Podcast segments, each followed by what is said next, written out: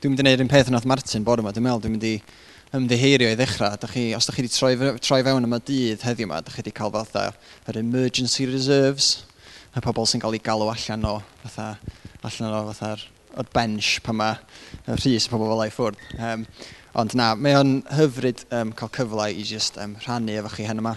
Um, dwi wedi cael bach o warning gan tre yn barod tri a pwydio siarad yn rhy sydyn, Rodri achos dwi yn reit o ddrwg am wneud hynna'n enwedig pan dwi'n nerfus. So mae ddiwch i fi os dwi'n brysio. Um, a un peth arall na i ddweud ydy, triwch, ella bod chi'n di sylwi, ond triwch beidio fatha darllen beth sy'r cefn o papura. Dwi'n mwyn go, na chwarae teg, mae dad wedi printio hein i ffwrdd fi, a mae yna bob math o beth ar y cefn, sgôr squash, a chydig o code sheets, a fydda, so triwch anwybyddu hynna os fedrwch chi.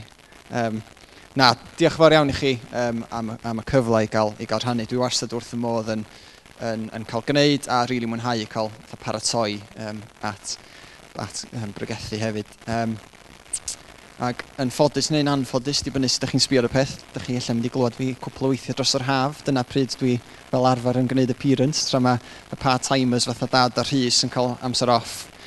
Um, ond, um, na, bach fwy serious fan. So, um, dwi di dewis neges um, ar gyfer heno um, sydd yn, dech, yn, yn cyd-fynd really, efo'r thema um, ni ar gyfer y tymor. Um, so nath o gael i rhyw fath o lawnsio penwythnos, penwythnos dwytha, dysil dwytha. Um, da ni, os da chi'n cofio, di bod yn edrych ar chydig o themau, well, tri them, brif thema dros y tymhorau gwahanol dros y misoedd dwytha.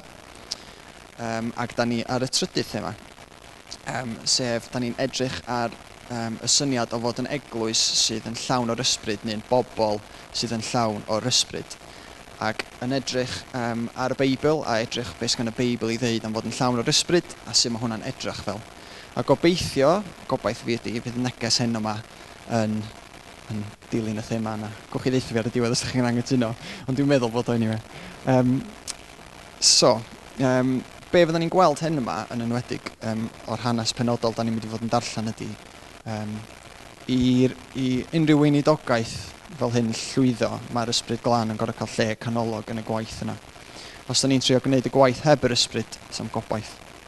Um, a dwi'n mynd i ddod yn darllen allan o lyc um, penod pedwar, ac illa ar yr olwg gyntaf, da chi'n meddwl, wel, dwi'n yn siŵr iawn be mae hyn i wneud fo efo'r ysbryd, achos mae'n canolbwyntio ar hanes um, am Iesu. Yn gobeithio drwy ddechrau meddwl a, a, a, a rhannu am y darn, gon i weld um, beth, be mae gwaith, lle mae gwaith yr ysbryd yn ffitio mewn. Um, so, um, na i ddarllen y sydyn, so na i symud allan ar ffordd a na i ddarllen. Um, so mae'r darlleniad yn dod allan o lyg, um, penod 4 a adnodau 1 i 15. Um, so dechrau am penod 1. So, Roedd Iesu'n llawn yr ysbryd pan aeth yn ôl o ardal ei orddonen. Gadawodd i'r ysbryd ei arwain i'r anialwch, lle gafodd ei demtio gan y diafol am bedwar deg diwrnod. Wnaeth Iesu ddim bwyta o gwbl yn ystod y dyddiau yna, ac erbyn y diwedd roedd yn llwgu. Dyma'r diafol yn dweud wrtho, os mae mab dew i ti, gwna'r gareg yma droi'n dorth a fara. Atebodd Iesu, na, mae'r ysgrifau sanctaidd yn dweud, dim bwyd ydy'r unig beth mae pobl ei angen i fyw. Dyma'r diafol yn ei arwain i le uchel ac yn dangos holl wledydd y byd iddo mewn eiliad. Ac meddai'r diafol wrtho, Gwna i adael i ti rheoli'r rhain i gyd a chael eu cyfoeth nhw hefyd. Mae'r cwbl wedi'i rhoi i mi ac mae gen i hawl i'w rhoi nhw i bwy bynnag dwi'n ei ddewis. Felly os gwneud i fa ddoli i, ceid i'r cwbl. Atebodd Iesu, mae'r ysgrifau sanctaidd yn dweud a ddol ar arglwydd y ddew a'i wasanaethu e'n unig. Dyma'r diafol yn mynd a, a mynd a Iesu Jerusalem ac wneud iddo sefyll ar y tŵr uchaf un yn y deml. Os mae diw i ti, meddai, neidio i lawr o'r fan yma. Mae'r ysgrifau sanctaidd yn dweud bydd Dyw yn gorchymyn i'w angylion dy gadw'n saff. Byddwn nhw'n dyddal yn ei breichiau fel na fyddi'n taro dy droed ar gareg. Atebodd Iesu, mae'r ysgrifau sanctaidd yn dweud hefyd paid rhoi'r arglwydd dyddiw ar brawf. Pan oedd y diafol wedi ceisio temtio Iesu bob ffordd posib, gadawodd iddo nes i gyfle arall godi. Aeth Iesu nôl i Galilea yn llawn o'n erth yr ysbryd ac aeth y sôn amdano ar led drwy'r ardal gyfan, roedd yn dysgu yn y synagogau ac yn cael ei ganmol gan bawb. So, um, hanes yno, mae'n siŵr cyfarwydd i'r, rhan fwy o'n ni. Um, so, rhan reit enwog, rhan ella da ni wedi edrych, edrych ar fatha yn yr ysgol syl pan oedden ni'n blant, ella testyn sydd wedi cael ei bregethu ar lot o weithiau. Um, a mae'n hanes reit gyfarwydd, ond mae hefyd yn hanes reit heriol. Um, ac mae'n cysylltu, fel o'n i'n deud, efo'n thema ni ar gyfer y tymor. Um, so, jyst i ffitio fe fewn i'w, iw gyd-destun, so fel da ni'n gweld mae'r hanes yn dilyn um, Iesu'n cael ei fydyddio. Um, ac um, fatha da ni'n gweld ar dechrau um, y darn yn yr adnodau cyntaf, mae'n dweud mae Iesu, roedd Iesu'n llawn o'r ysbryd pan aeth yn ôl o ardal yr Iorddonen. Ac dwi'n dwi wedi gwrando ar yr hanes yma lot o weithiau, ond dwi ddim rili really di taro fi gymaint o'r blaen um, sut mae'n deud ar ddechrau um, yr hanes, sut mae Iesu ei hun yn cael ei lenwi ar ysbryd. Um, achos da ni'n gwybod yr hanes o pan mae'n cael ei fedyddio a mae'r ysbryd yn dod o lawr ac yn disgyn ar Iesu. A dwi'n rili di meddwl am hynna o blaen sut mae Iesu ei hun yn cael ei lenwi efo'r ysbryd. Um, ac dwi'n meddwl, as a rule of thumb, os da ni'n pobl sy'n deud bod ni'n dilyn Iesu, os i Iesu'n gwneud rhywbeth yn y Beibl, yeah, probably yn good idea i ni wneud yn peth. So dwi'n meddwl, as a, as a, as a rule of thumb, os di Iesu'n gwneud rhywbeth, mae'n probably yn syniad da i ni gymryd sylw efallai gwneud rhywun peth hefyd. Um, so chydig bach o drosolwg sydyn um, o'r hanes cyn i ni mynd ymlaen i chydig o bwyntiau um, penodol. Um, so fel o'n i'n deud, oedd Iesu wedi cael ei fedyddio yn yr Iorddonen, um, ac oedd yr ysbryd, gla, ysbryd glân wedi dod lawr arno ar ffurf colomen a wedi glanio ar Iesu. Um, a wedyn beth sy'n ddiddorol hefyd, mae'r ysbryd, mae'n deud yn y darn, mae'r ysbryd yn arwain Iesu i'r anialwch. A dwi'n rili really di meddwl am hynna o blaen chwaith sydd mae'r ysbryd sydd yn arwain Iesu i'r anialwch. Um, a mae hwnna'n hwnna bwynt reit bwysig, dwi'n meddwl, wrth, wrth, wrth basio, rili. Really. Um, siŵr o fod yn gwybod be oedd yn mynd i ddod, ond yn dal yn penderfynu arwain Iesu i'r anialwch. Da ni'n gweld hefyd um, yn yr hanes mae Iesu yn ymprydio. Um, so am y 40 diwrnod dydy o ddim yn bwyta.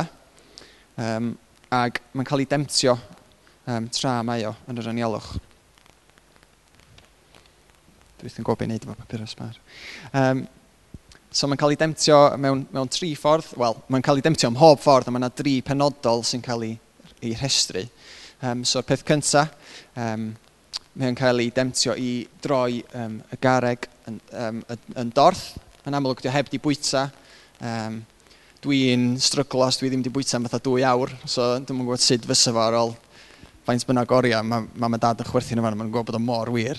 Um, a mae Iesu'n ymateb yn amlwg dydy, mae'n deud, dim bwyd ydy'r unig beth mae pobl ei angen i fyw neu yr, yr, yr cyfieithiad mae rhan fwyaf o bobl yn gyfarwydd efo, nid ar faran unig y bydd dyn fyw, ond ar bob gair diw.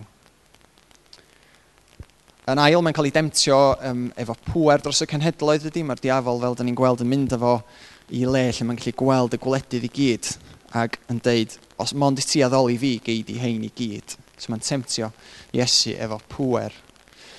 Yn drydydd, da ni'n gweld wedyn um, bod o'n bron yn, yn testio Iesu ac yn gofyn wrth Iesu brofi ei hun uh, ac yn deithio fo taflu hun oddi ar y tŵr yn Jerusalem yn y deml um, achos bydd o'n gwybod bydd yr, bydd yr angylion yn ei ddal ac yn ei gadw fo'n saff. A wedyn, da ni'n gweld wedyn ar diwedd yr hanes um, bod Iesu wedi cael ei demtio ym mhob ffordd a wedyn bod Satan yn mynd a'i adael o nes iddo gael, so mae'n pwy'n mynd dweud gadael iddo nes i gyfle arall godi. Yeah, so, Di o'n di gorffan efo Iesu eto, ond mae'n mae mae'n iddo fo am rwan. A wedyn, da ni'n gweld bod Iesu wedyn yn dychwelyd yn ôl i, i Galilea yn llawn o'r ysbryd. So ar ôl 40 diwrnod o ymprydio, cael ei demtio, brwydro, mae'n mynd yn ôl i Galilea yn llawn o'r ysbryd ac yn mynd syth i ddysgu yn y synagogau. So mae hwnna rhyw fath o drosolwg o beth sy'n digwydd. Um, a dwi eisiau yn sydyn iawn, fyddai'm yn hir hyn yma, yn sydyn iawn tynnu tri pwynt allan o'r hanes. Um, y pwynt cyntaf, bod Iesu'n cael ei demtio. Mae'n thema reit amlwg yn y stori. Um,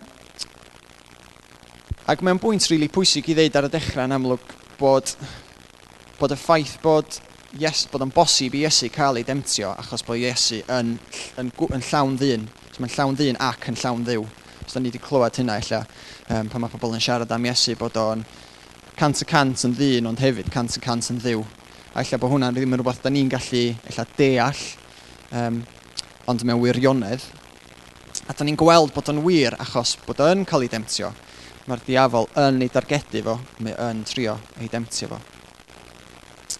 A mae'r ffaith yma bod Iesu yn llawn ddyn, yn holl holl bwysig, achos dyna di'r ffordd mae'n gallu cynrychioli ni Dyna ydy'r ffordd mae Iesu'n marw ar y groes yn hwyrach ymlaen yn golygu um, bod o'n gallu cymryd, bod o'n gallu cymryd yn beia ni achos bod o wedi byw bywyd perffaith, bod o wedi gwrthod y temtasiynau yma a wedi byw bywyd perffaith nes ymlaen hefyd. A mae hynna wedi galluogi Iesu wedyn i gymryd y gosb mae bob un ohono ni yn ei heiddi i gael. Mae wedi cymryd y gosb yna'n yn lle ni, um, achos bod o wedi medru byw bywyd perffaith fel dyn. A achos bod Iesu'n ddyn, fel o'n i'n deud, mae hynna yn galluogi satan i demtio fo mewn ffordd, achos bod o'n ddyn. So mae o'n medru temtio fo. A beth dwi'n meddwl sy'n bwysig fama wrth, wrth i ni edrych ar yr hanes yma ydy, da ni dwi'n newydd ddeud, wel, so mae Iesu wedi byw bywyd perffaith, ond dwi hefyd wedi deud mae Iesu wedi cael ei demtio. So, be da ni'n gallu cael o hynna?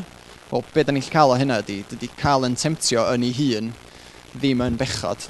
Mae Iesu wedi cael ei demtio, ond dydy o ddim wedi disgyn. So dwi'n meddwl am flynyddoedd o'n i wedi kind of meddwl, oh, os dwi'n cael yn, yn hemtio wneud stwff, o, oh, dwi'n barod wedi disgyn, dwi'n barod wedi methu, dwi'n barod wedi pechu. Ond mae hwnna'n bwynt pwysig wrth basio, bod mae Iesu wedi cael ei, yn cael ei demtio, ond mae Iesu hefyd yn byw bywyd perffaith a da ni'n gweld sut mae'n cael ei, mae'r hanes yn deud ydy, mae'n cael ei demtio ym mhob ffordd posib, ond ddim yn disgyn ar unrhyw bwynt i'r temtasiwn yna.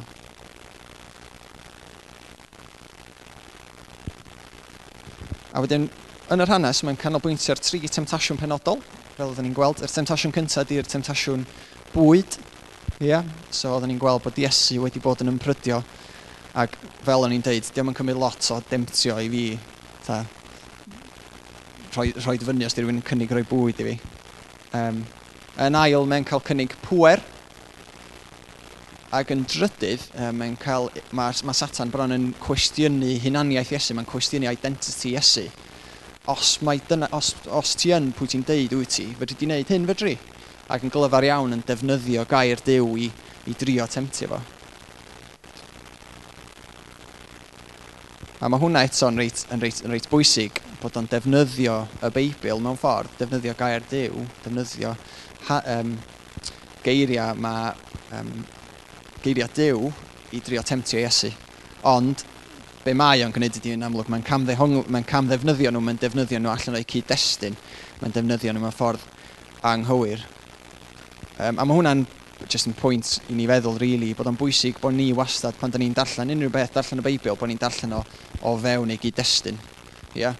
mae'n hawdd fatha just pigo allan adnod, ond mae'n really pwysig bod ni'n darllen hwnna fewn cyd-destun y darn, cyd-destun y benod a cyd-destun yr hanes, yr, yr stori mawr o'r Beibl i gyd. A mae hwnna'n rili, rili pwysig. A dyna mae Iesu ni wneud mewn ymateb ynddo.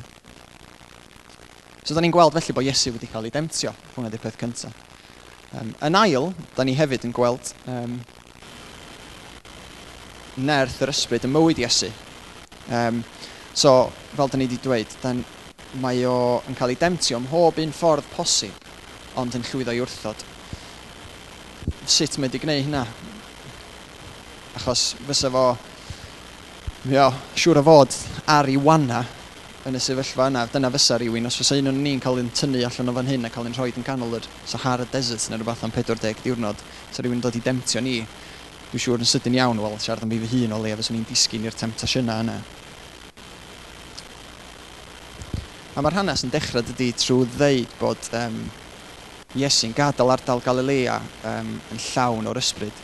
A beth o'n i'n deud, dwi wedi darllen dros hynna o blaen yn rili really cymryd llawer o sylw ohono fo. A bod, yr, a bod yr ysbryd wedyn yn arwain Iesu i'r anialwch.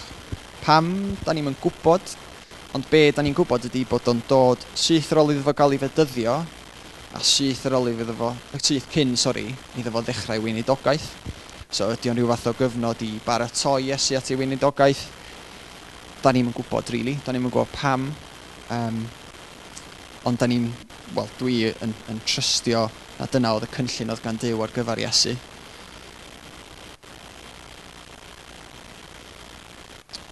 Ac am y 40 diwrnod, fel o'n i'n deud, mae Iesu ar ben ei hun, i ddechrau fe, holl ar ben ei hun.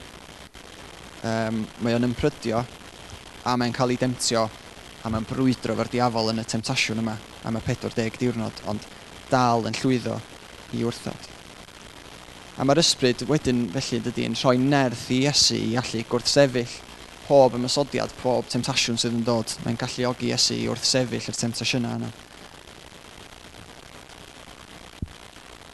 Fel o'n i'n deud, oedd Iesu yn ddyn, so fysa fo eisiau bwyd, fysa fo eisiau bwyd, achos mi oedd o'n ddyn, Ond er bod o eisiau bwyd, ar ôl 40 diwrnod o beidio bita, mae o'n mae'n llwyddo i fedru gwrthod y temtasiwn yna. Yn ail, da ni'n gweld o'n cael ei demtio efo pwer, fysa Iesu eisiau teirnasu, achos dyna mae, dyna mae wedi dod o, um, o'r nefoedd lle mae o yn teirnasu mewn i'n byd bler ni. So fysa, fysa Iesu eisiau teirnasu, ond ddim yn y ffordd oedd y diafol eisiau fe o wneud, ddim yn, y, ddim yn ôl y cynnig oedd gan y diafol ar ei gyfer o. A fysa fe hefyd, siŵr o fod, sa'n byd gwaith na, os di rhywun deud clwydd amdanoch chi, da chi eisiau just deithio nhw bod nhw'n wrong a dangos iddyn nhw bod nhw'n anghywir. A mae'r diafol yn cwestiynu Iesu ac yn, ac yn, um, yn challenge o pwy ydy Iesu a pwy, be di hunaniaeth Iesu. So siŵr o fod fysa fo isio dangos i'r diafol pwy ydi o, ond na, mae'n gwrthod yr, yr temptasiwn yna a'r, ar um, ia, y temptiad yna gan, gan Satan. So, da ni'n gweld felly dyna'n nerth yr ysbryd wedyn yn mywyd Iesu. O be mae hyn i wneud efo ni? Fel nes i ddeud gyna, os di rhywbeth, dwi'n meddwl, os di rhywbeth yn bwysig i Iesu, os di rhywbeth yn bwysig yn fel rhan o gweinidogaeth Iesu, neu mae Iesu'n cymryd rhywbeth yn serius, dwi'n meddwl ddylsyn ni tylu sylw. Um, a mae'r hanes yma jyst yn dangos i ni jyst, jyst rhai agwedda o waith yr ysbryd glan. Um, a achos mae'n gwneud cymaint, mae o'n um, helpu gwrth o temtasiwn, mae'n helpu yn cynnal ni os da ni'n mewn cyfnod o ympryd yn ymprydio. Um, mae'n rhoi doethineb, mae'n helpu ni allu dadansoddi neu deall gair diw. A mae hynna jyst yn rhai o'r pethau mae gwaith yr ysbryd yn gwneud yn bob un ohono ni, os di'n rhan o'n bywyd ni. A da ni'n cael yn atgoffa dydan, mae'n lle, mae gymaint o lefydd eraill yn y Beibl o be, be, pa bethau eraill mae'r ysbryd yn ei wneud. Ond yn benodol yn effesiaid chwech, rhan eto cyfarwydd iawn, lle mae'n sôn am arfwisg diw. Ia? Lle mae'n sôn am yr arfwisg sydd ar ein cyfer ni. Mae ysbryd yn rhan allweddol o'r arfwisg yna. Mae'n mae helpu ni, uh, helpu amddiffyn ni rhag pwerau drwg sydd yn y byd. Ia? Pan da ni'n edrych ar yr arfwisg, um, da ni'n clywed am yr ysbryd fel cleddyf, cleddyf yr ysbryd. Yr unig rhan o'r arfwisg sydd yn rhywbeth sydd yn, ymos, yn galluogi rhywun i ymosod. Ia? Mae bob dim arall yn bethau da ni'n gwisgo neu sydd yn amddiffyn ni. Ond cleddyf yr ysbryd ydy'r unig arf ymosodol sy'n rhan o'r arfwys gyna. A mae hwnna'n rili really pwysig, dwi'n meddwl. Achos mae mor, mor bwysig felly bod yr ysbryd yna yn rhan o'n bywyd ni, os di, dyna di'r yr unig beth sydd gyda ni ar gael i gwffio yn ôl, ia? i ymladd yn erbyn y pwerau drwg yma, i ymladd yn ôl yn erbyn temtasiynau satan ac gwaith drwg satan.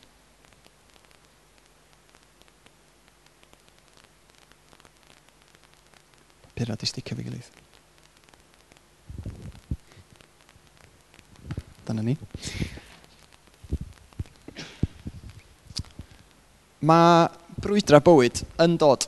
Mae nhw'n mynd i ddod. Dwi'n sefyll yma fatha hypocrite llwyr achos dwi wedi cael bywyd hawsa gewch chi. Dwi'n wedi cael lot o challensa um, yn y mywyd i. Dwi'n gwybod bod yna pobl yn y stafell yma wedi bod drwy pethau mor, mor, mor anodd, neu sydd yn mynd drwy pethau anodd. Um, so dwi wastad yn teimlo chydig bach yn anghyffyrddus fod yn onest efo chi yn, yn pregethu am, o ia, wneud diw cynnal chi drwy'r brwydra pan dwi rili really ddim wedi profi pethau fy hun. Ond dyna mae gair diw yn ei ddweud, um, so dwi'n teimlo fatha, ddylswn ni, ddylswn ni rannu hynna. Felly mae brwydra yn dod, mae'r Beibl yn gaddo hynna. Dyna di un peth, os di, os di rhywun byth yn trio gwerthu y bywyd Cresnogol fel yr easy option, maen nhw'n deud celwydd, dydy o ddim wastad yr easy option um, o ran um, byw bywyd bob dydd, ond mae o um, y peth sydd yn cynnig bywyd a mae o'r peth gorau yn y pen draw heb os yn cynnig bai. Um, a rhan o'r frwydr dyddiol yma, rhan o brwydra bywyd ni ydy um, cael yn temtio. Um, a da ni'n mynd i fethu ar y degau, dwi'n sicr yn methu bob dydd pan dwi'n cael yn hemtio. Ond y newyddion da hyn yma ydy dydy Iesu heb methu mae Iesu wedi cael ei demtio ym mhob un ffordd posib, ond heb di methu. Yn 1 Corinthiaid 10.13, um, mae'n dweud, fydd e ddim yn gadael i'r temtasiwn fod yn ormod i chi, bydd yn dangos y ffordd i chi ddianc a pheidio rhoi mewn. So, mae'n siarad efo'r eglwys yn Corinth ar y pwynt yna. Um, so, y syniad yma o, dydy Dyw ddim yn mynd, byth yn mynd i roi ni mewn sefyllfa da ni ddim yn mynd i allu delio efo fo, ond efo'i help o. Os da ni ar ben yn hun, mae'n mynd i fod yn an, rhy anodd, ond efo gwaith yr ysbryd yn yn bywydau ni, da ni'n medru goroesi y brwydra a'r sefyllfaoedd anodd yna. Ella bod na, ella wrth i fi siarad, bod na um, ella temtasiwn penodol sydd yn rhywbeth sy'n dod i fyny drosodd a drosodd a drosodd a drosodd yn bywyd chi, yn dod, i fedd, dod i'ch meddwl, um, mae yna'n sicr yn y mywyd i um, wrth i fi siarad am hyn. A weithiau, i fod yn onest, mae'r temptasiynau yn gallu teimlo yn rhy gry, mae'n gallu teimlo fel rhywbeth da ni efallai methu i gwrthod. Ond, fel mae'r hanes yma'n atgoffa ni, mae Iesu yn gryfach na'r temtasiwn yna. Mae'r ysbryd glân yn gryfach na'r temtasiwn yna. So, mae'n dweud, neges ydyn ni grynhoi felly. Um, Mae yna lot o agweddau i waith yr ysbryd, a fyddwn ni'n gweld dros yr misoedd nesaf rwan wrth i ni mynd drwy'r thema yma, sut mae yr ysbryd glân yn, yn effeithio'n bywyd ni o ddydd i ddydd, sy'n mynd effeithio'n gweinidogaeth ni, sy'n mynd effeithio y ffordd um, da ni yn caru'n pobl o'n cwmpas ni. Um, a fatha oedd yn yr hanes yn deud, mae gwaith yr ysbryd yn galluogi ni neu gymaint o bethau fel gwrtho temtasiwn, fel dehongli gair diw, um, a lot o bethau eraill.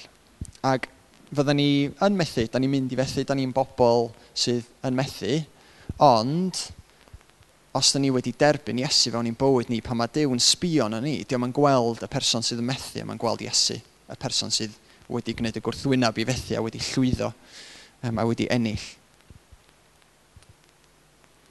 Yn yr hanes yma, mae Iesu ei hun yn derbyn yr ysbryd ac yn mynd i fewn i'r anialwch a wedyn yn mynd i ddechrau weinidogaeth yn llawn o'r ysbryd. A mae'r un un ysbryd sydd ar gael i Esu ar gael i ni heddiw yma. 2000 o flynyddoedd yn ôl, oedd Martin siarad am hyn bore yma, 2000 o flynyddoedd yn ôl, mae'r pethau yna sy'n wir yn fanna, yn wir rwan hefyd. Ac rili, really, dwi'n methu'n cael am pen rownd hwnna, dwi'n meddwl. Fytha dwi'n meddwl, o ia, na, mae hwnna rhywbeth oedd wedi digwydd, ond diolch yn wir rwan. Mae o, mae o'n wir. Mae'r un un ysbryd ar gael i bob un ohono ni. a mae'r ysbryd mae'n hollol allweddol. Um, dwi wastad yn meddwl amdan, dwi'n person mab, mab fy nhad, a dwi'n licio fatha diagrams a fel analogies i helpu fi ddall syniadau.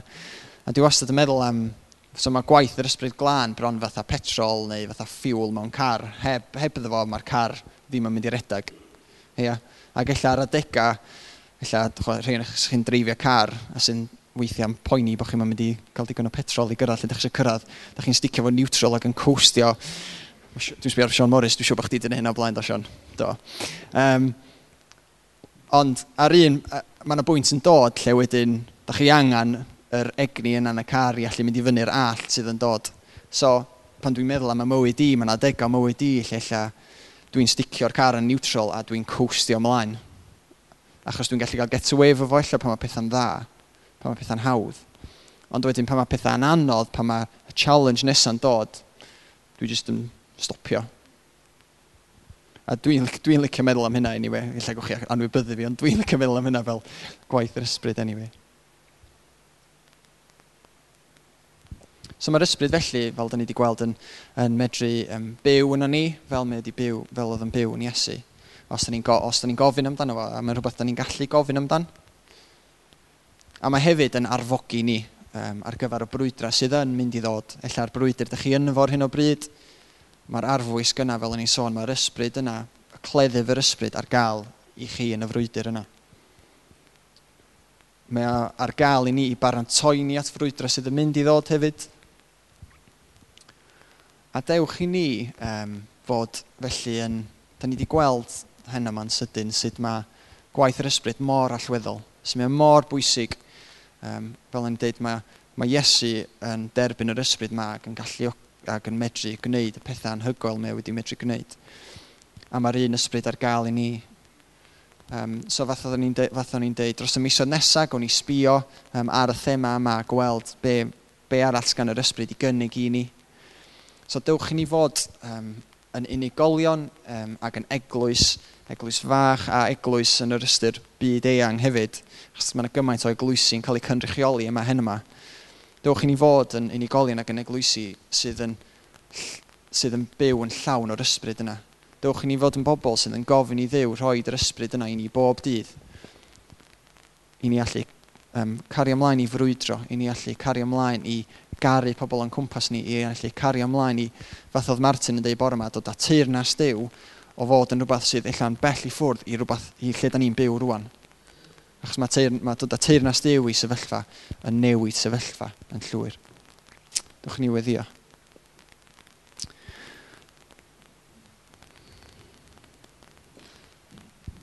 O ddew, dwi'n diolch i ti am fel um, nathon ni gael yn atgoffa trwy gannig yna. Um, ti yn ddiw da, um, ti yn ddiw cariad, ti yn ddiw sydd wedi rhoi gymaint i ni. Um, a mae gennym ni gymaint o lle i fod yn ddiolchgar. Um, da ni'n diolch i ti um, bod Iesu wedi dod i fewn i'r byd a bod o yn, wedi dod yn ddyn i allu cynrychioli ni, allu cymryd yn beia ni, a wedyn marw ar y groes. Ond diolch i ti, na ddim dyna diwedd y stori, diolch i ti bod, bod o wedi atgyfodi A diolch i ti bod, o, bod Iesu rwan yn teirnasu. Um, a diolch hefyd bod ni ddim wedi cael ein gadael ar ben yn hun, um, ond bod ni wedi cael rhodd yr ysbryd glân i fyw yno ni, i arwain ni, i gynnal ni, um, i frwydro drosta ni pan mae brwydro bywyd yn dod. Um, helpa ni fod yn bobl sydd yn, yn gofyn i'r ysbryd yma ddisgyn arna ni bob dydd, sydd yn peidio cael yn temtio i, i cwstio a, ac, um, a peidio a peidio cymryd ymlaen y galwad yma i wneud disgyblion ac i newid y pobl a'r cymdeithas yn cwmpas ni. Um, mae bywyd yn anodd, ond um, efo ti mae unrhyw beth yn bosib. So diolch i ti am yr, am yr neges yma. Um, diolch i ti am y gwirioneddau da ni wedi clywed yn yma. Um, gweddio o fydd o'n rhywbeth sydd yn suddo mewn i'n cof ni, bod ni ddim yn gadael hyn yma um, yr un fath a ddeithon ni fewn. Um, byddi di yn, yn helpu stampio hyn ar bywyd bob un ohono ni. Um, a da ni'n gweddio hyn yn enw pwerus Iesu Grist. Amen.